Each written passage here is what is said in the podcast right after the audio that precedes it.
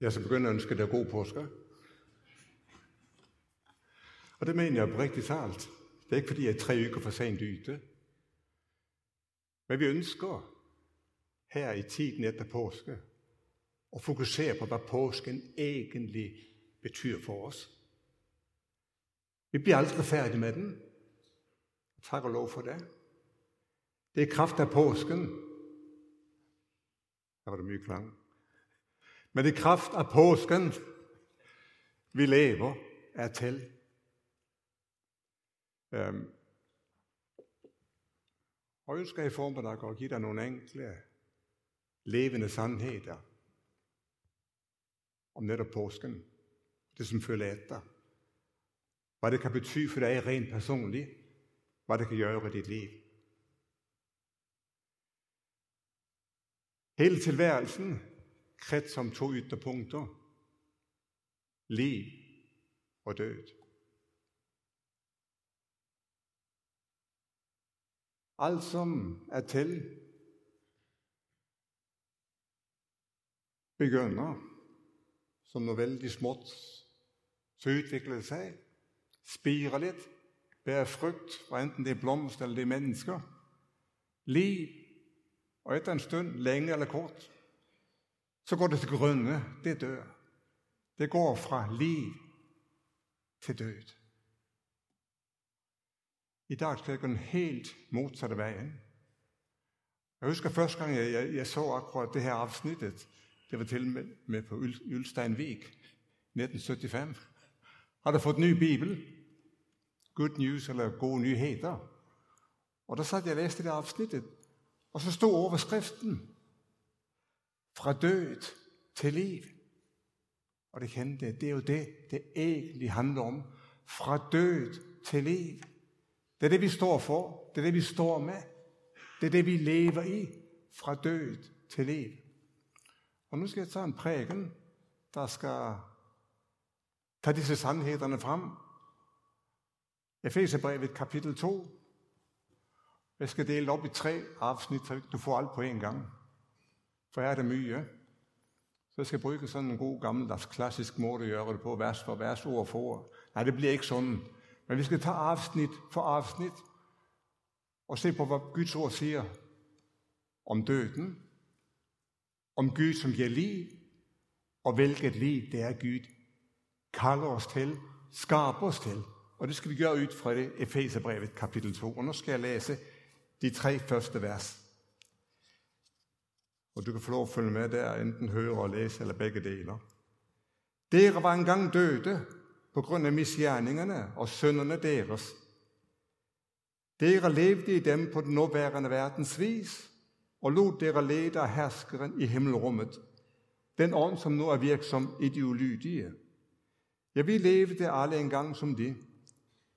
Vi fyldte lysterne i vort eget kjøtt og blod, og lod os lede af det og af vores egne tanker. Vi var af naturens verden, natur, af naturen bredens barn, vi som de andre. Dere, skriver han til menigheden, og dere kunne lige gerne sagt til os, dere var engang døde. Og det er jo stærke ord. Vældig stærke ord. Altså det Paulus siger, det er, at det findes et liv, som kaldes død. Der findes et liv, som kaldes død. Man kan være levende, og alligevel være død. Har du tænkt den tanken? Jesus selv bruger ordet i fortællingen om den fortabte søn. Han er vendt hjem efter et liv, som til slut endte i grisebængen. Og så arrangerer faren fest for ham. En fest, som bliver så alt for mye for den broren, som trofast har gået derhjemme og jobbet og tjent faren. Og i sin argumentation for at fejre, så siger faren til sønnen, som er hjemme, nu skal vi holde fest og være glade, for din bror var død, men har blivet levende. Han var kommet bort fra mig og er fundet igen. Altså døden, det er livet, atskilt fra Gud og hans indflydelse. Atskilt fra ham, som er selve livet.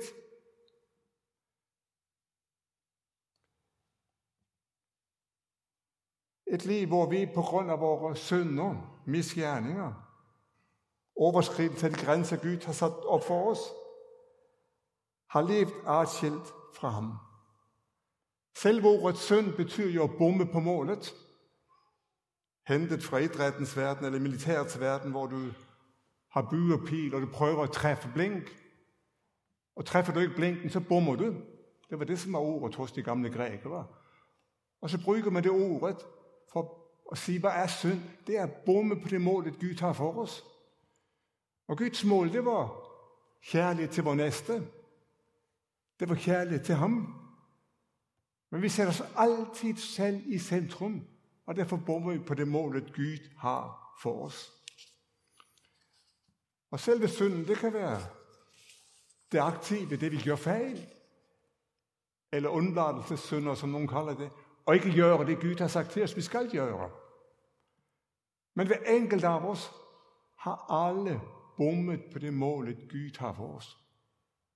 Syndere. Derfor døde. Og i den tilstanden, så levede vi på den nuværende verdens vis. Hvad vil det sige? Det, det er en grundlæggende indstilling til livet, hvor jeg selv er i centrum.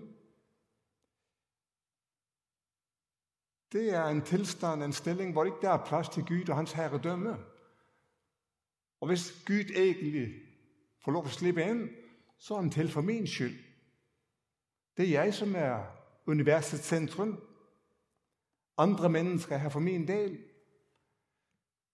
Det Gud har skabt, kan jeg bruge, som jeg vil. Jeg trænger ikke tænke på kommende generationer. Jeg kan bruge, jeg kan misbruge. Slik er den nuværende verdensvis. Det er så let at lade sig drive med strømmen. Bare lade sig forme, lade sig ikke tænke så mye over det, vi oplever. Ikke gøre så mange valg. Men du lever bare. Du, du, du flyter med strømmen. Husk, hvor latin der på, på videregående. Jeg har et latin, jeg. For mange år siden. Jeg har glemt det meste af det. Men han sagde, da vi skulle vælge efter første klasse, det er kun de døde fisk, som driver med strømmen. Og Gud kalder os til noget mere end at være døde fisk. Denne her verden har sin form, og det er så let at lade sig præge af det at tænke, jamen slik mener alle andre ord. Vi trænger ikke at skille os ud. Men altså denne verden har sine tanker, sine systemer. Den ønsker at forme den, så vi alle er like. Det er et liv i en, et form for slaveri, under kræfter, vi ikke har kontrol over. Vi kan prøve at sætte os fri selv, men vi klarer det ikke. For det findes noget, som er stærkere og mægtigere end mig. Øh, det er et liv under den ondes indflydelse, djævelens indflydelse. Den gamle danske indremissionshøvding, Christian Bartholdi, rundet, om det var 70 eller 60 eller 50, det ved ikke jeg, men han havde jubilæum. Og i den forbindelse, så kom man fra avisen i området og ville interviewe ham Man stillede mange spørgsmål angående tro og liv. Så kommer man også ind på den ondes eksistens, og så spørger man denne ældre mand. De, man sagde de dengang, de er Christian Bartholdi. Tror de på djævelen? Og så siger han nej. Og der er ligesom værre sensationen for journalisten. Tror han ikke på djævelen? siger nej, jeg har aldrig troet på ham, for han har altid været en løgner. Man har troet på hans eksistens, ja. Og jeg tror, jeg er så en folk, jeg tror på det, Bibelen siger, at det findes en ond magt, som ønsker at ødelægge os for alt i livet. Påvirke os, forme os, danne os til at være ligegyldige, bare at drive med. Og ikke nok med dem, der findes også magt i mit eget liv, som ikke jeg klarer at overvinde, som binder mig, tankerne, står det, og lysterne i vores egen natur, vores syndige natur. Der er ikke noget galt med tanker. Der er ikke noget galt med lyster. Det er noget Gud har skabt. Men Augustin siger, synden opstår, når vi tager et naturligt behov og desperat prøver at fylde det uden Gud. Og synden kan være i så mange former. Der er de åbenbare synder, vi alle kan være enige om. Men den kan også være i forfinede former, hvor det ser så vellykket og så flot ud, og alligevel bommer vi på det målet, Gud har for os. Og konsekvensen af det er, at vi bliver det, som Bibelen kalder vredens barn. I oprør mod Gud under Guds dom. Guds vrede, der taler Bibelen om. Og det er ikke så ofte, vi, vi, vi snakker om det, vi, vi tager det frem for. Gud er kærlighed, Jeg vidste er han der, det skal jeg komme tilbage til om et øjeblik. Men Gud reagerer mod alt, som er i oprør mod hans søn. Gud kan ikke lade bare oprøret finde sted uden reaktion. Og derfor er mennesket artskilt for Gud, når ikke de vil have noget med han at gøre. Guds fred det er ikke en egenskab hos ham, men det er en reaktion mod alt, som strider mod hans gode vilje. Okay, det var det første, det vil jeg gerne blive færdig med, men der findes altså et liv, som kaldes døden. Artskilt fra Gud, og det livet, han skabte os til. Så skal vi tage den næste. Nu kommer det. Det som er så fantastisk. Men Gud er rig på barmhjertighed. Fordi han elsker os med så stor en kærlighed, gjorde han os levende med Kristus, vi som er døde på grund af vores misgjerninger. Af nåde er dere frelst. I Kristus har han rejst os op fra døden sammen med ham og sat os i himlen med ham. Slik vil han i de kommende tider vise, hvor overstrømmende rig han er på nåde, og hvor god han er mod os i Kristus.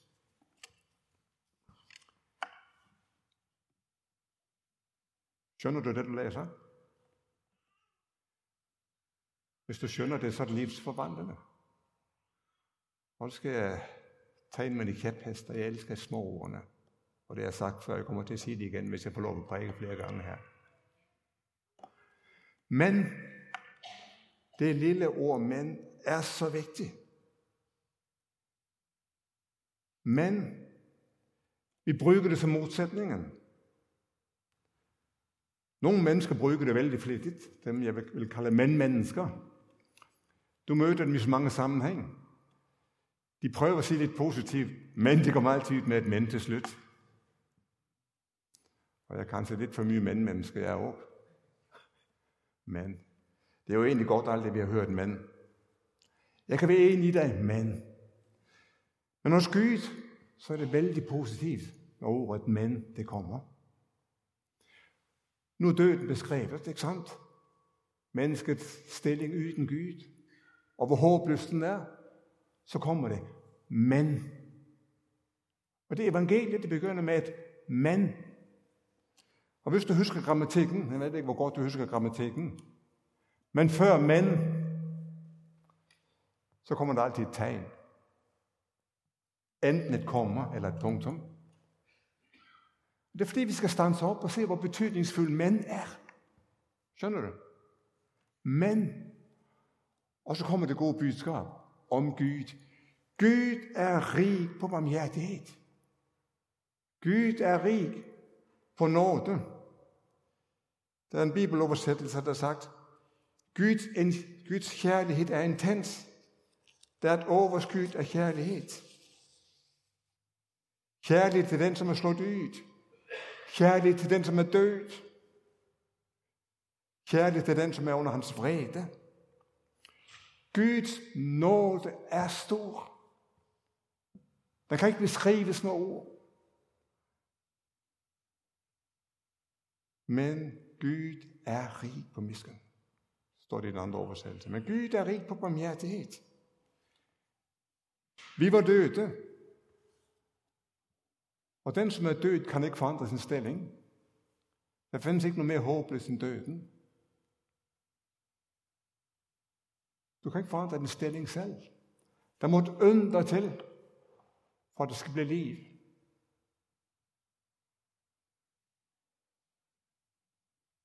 Han har gjort os levende med Kristus, vi som er døde på grund af vores misgjerninger. Og det er det, som sker påskemorgen. Hvad er det, som sker i påsken? Jesus dør for al verdens synd. Påskemorgen står han op som triumfatoren. Synden er sunget. Døden og alle onde magter er besejret. Og han vender tilbage til himlen lidt senere og indtager sin retmæssige plads. Og den sejr, den har konsekvenser for de, som tror på Jesus Kristus. Det han gjorde med Jesus, det gjorde han for os. Men hør ind til, en ting til. Det han gjorde med ham, det gjorde han også med os. Du var i Kristus, da han døde for alverdens synd. Derfor gælder hans død dag. Når han står op påskemorgen, er du også i ham. Du skjønner billedet. Det er et gammelt billede fra Bibelen, at stamfarens skæbne er også efterkommernes skæbne. For de var i ham, da han oplevede det, der oplevede, da han fik et nyt forhold til Gud. Og når Jesus Kristus står op påskemorgen, så siger Bibelen, du er i ham. Det er ikke bare han, som står op, men du står så op fra døden for at kunne leve et helt nyt liv. Fra synden, fra misgjerningerne, fra atskillelsen fra Gud. Hans opstandelse, det er din opstandelse. Jeg ved, jeg klarer ikke at begribe det med min tanke, men det er en åndelig sandhed. Du har stået op til et nyt liv. Hans opstandelse er din opstandelse. Hans sejr er din sejr. Hans triumf er din triumf. Du lever, hvis du tror tager imod det, han gjorde for dig. Og det begriber ikke jeg det mindste om. Men jeg får lov at leve i kraft af det uanset. Levende. Opstået. Han har gjort os levende. I en avis havde man været så uheldig og annonceret dødsfald til en mand, som levede i bedste velgående. Næste dag så møder han op på redaktionen og beklager sin nød. Han synes, at det er fælt, at han er, skulle være død, men ikke er det. Det er jo egentlig godt, at han lever. Det er ikke det, der er problemet. Men folk har læst det. Forretningsforbindelserne har læst det. Og der bliver en lang diskussion uden ende. Redaktøren beklager selvfølgelig, men manden vil ikke tage imod beklagelsen. Og til slut så siger redaktøren, okay, der er bare en ting, vi kan gøre. I morgen så får vi ført op over listen over de nyfødte. Så får det i hvert fald nyt liv og en ny start. Man kan vi selvfølgelig lære det her, ikke sandt? Men han var så fortvivlet, redaktøren, hvad skal jeg gøre? Men det er det, du oplever. Et nyt liv og en ny start. Og vi kristne ikke bare få nogle andre mening om tilværelsen og livet, men opleve, at han skaber noget helt nyt ved sin ånd. Til og med så er der reserveret plads til mig i himlen. For egentlig så får jeg med ham op til himlen nu. Skønner du, når jeg er i ham? Jeg har fortsat, men altså, han har reserveret plads til dig, som er din. Du er sat fri. Hans opstandelse er din opstandelse. Og det livet, som så kommer efter det, der skal du læse, læse vers 7 mange gange nu, når du kommer hjem. Hvad er det Gud vil? Slik ville han i de kommende tider vise sin uendelige rige nåde og sin godhed mod os i Kristus Jesus. Det er på en måde overskriften over det, du kan forvente fra nu af. Det er banneret over dit liv. Det her, du lever, det her, du vandrer. Jamen, hvad, hvad kan jeg vente mig i livet? Det er jo Gud ønsker at vise sin nåde over mit liv. Gud, Gud ønsker at vise sin godhed. Uanset hvad jeg møter, nåd og godhed.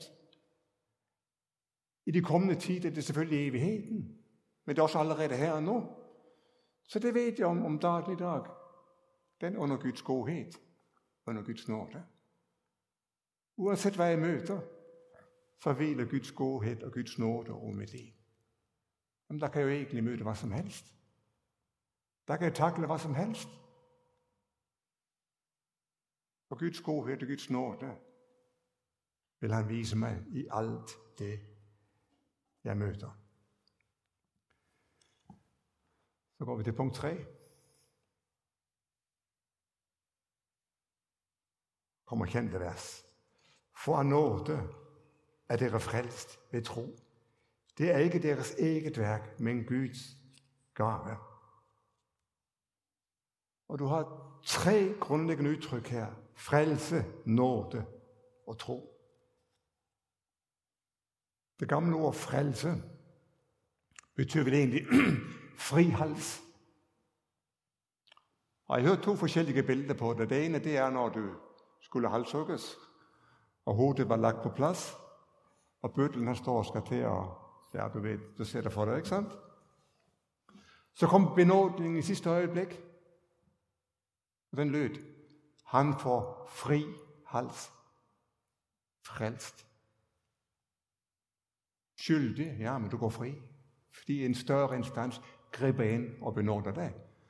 Det andre billede, det var vel, når slaver det gik rundt med sine lænker og sine kættinger og sine, en, det her rundt halsen, ikke sandt? Når du blev fri, så tog de bånden der dig.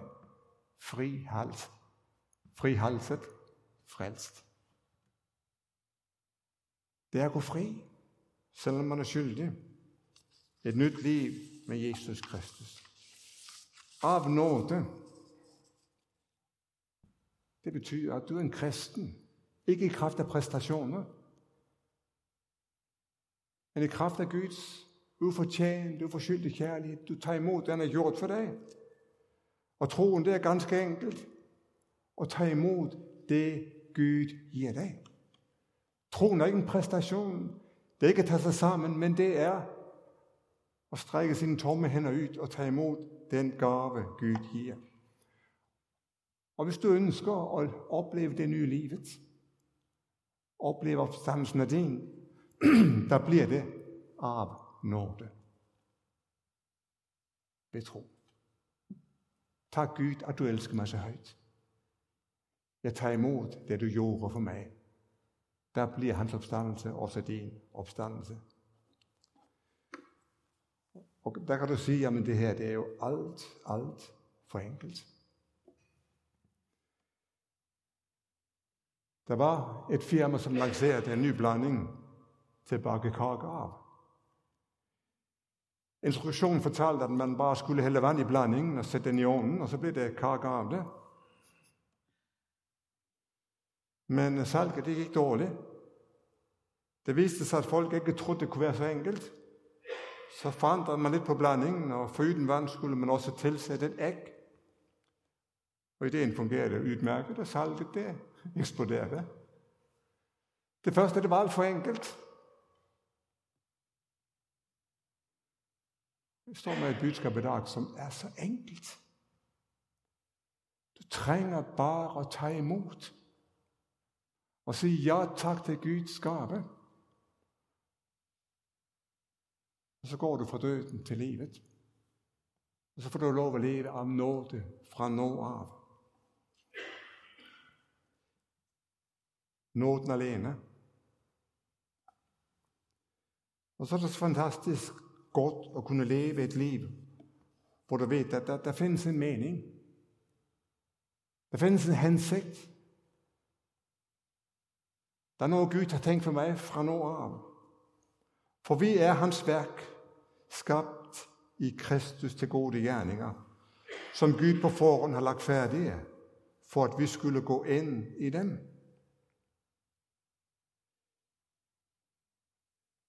Jeg ved ikke, hvor godt kendt du er i dansk geografi.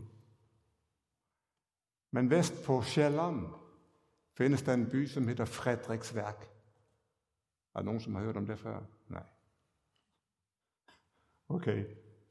Frederiksværk. Den er ikke noget stor by, men øh, den er det i hvert fald. Og længe så troede jeg, at den byen var opkaldt, det er en af kongerne. Vi har haft øh, ganske mange Frederikker både sammen og hver for os, eller hver for sig. Men den opkaldte lidt af en anden mand som hed Frederik, som øh, var med at starte kanonfabrikken og sørgede for, at byen fik lov at vokse op. Så kaldte man i første omgang Frederiksværk på tysk, og senere Frederiksværk til minde om ham.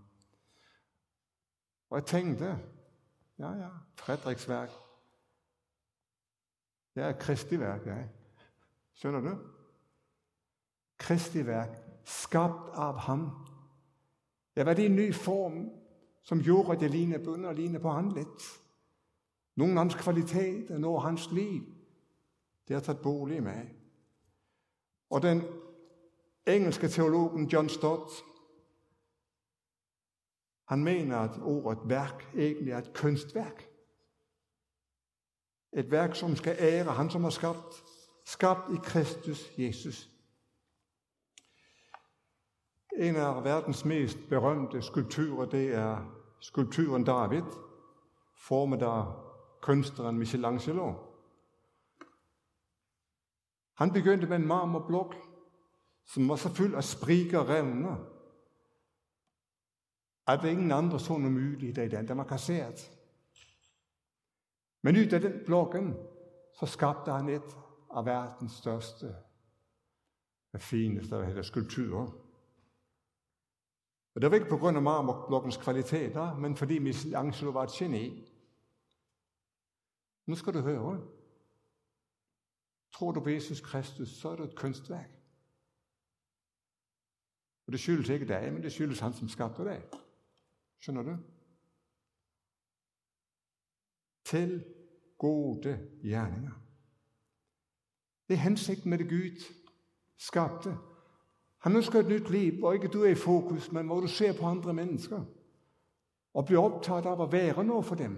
gjøre noe for dem. Det er lyd av alt det gode, Gud har gitt til dig. Nogle gange, når man læser det her, så har man en tanke, at de gerninger, Gud har lagt færdige, det er nogle gerninger, som er så specielle, at han åbenbarer det for os, hver gang vi skal gøre det. Skjønner du? Og man tænker, nu skal Gud minde mig om, hvad jeg skal gøre i forhold til det menneske. Og det hænder jo nogle gange, at det er slik. Men jeg tror, det er alt, alt for snævert. Jeg tror, alle gode gerninger er gerninger, du skal få lov at gøre. Gerninger, du er skabt til. Gerninger, som er lagt færdige, som har Guds velsignelse. Og du trænger ikke en speciel åbenbaring for at være god. Du trænger en speciel åbenbaring for at give et glas vand til den, som tørster. Eller del af matpakken, hvis nogen ikke har matpakken med, skjønner du? Du får lov nogle gange at bruge din forstand i Guds rige og se, her er der et menneske, som trænger hjælp. Jamen, der er jeg skabt til at hjælpe det menneske. Makro det Gud har givet mig for hånden her. Nogle gange får jeg en hilsen om, at du skal gøre det, men de allerfleste gange, så er der et behov, som skal dækkes. Så dæk det i Jesu Kristi navn, men det Gud har givet dig. For det er det livet, du er skabt til. Og når du våger gå ind i livet, så kender du, yes, jeg får lov at bringe Guds velsignelse videre. Han får lov at dele ud af den nåde og godhed, han har vist, og som fortsat er over mit liv. Så får jeg lov at vandre i det. Så får jeg lov at gå videre. Så får jeg lov at opleve, at livet det udvikler sig. Fra død til liv.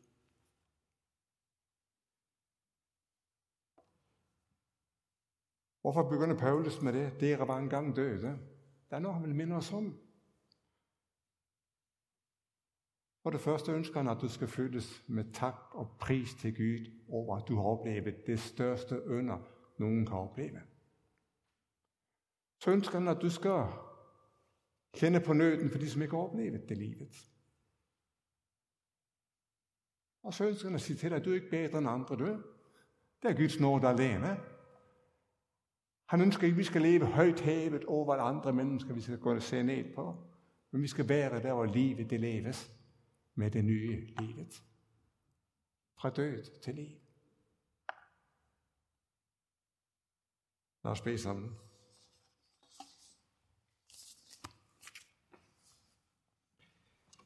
Jesus Kristus,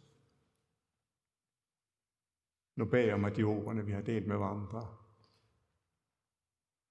må være dit ord, som har skarpe magt og skarpe kraft i sig.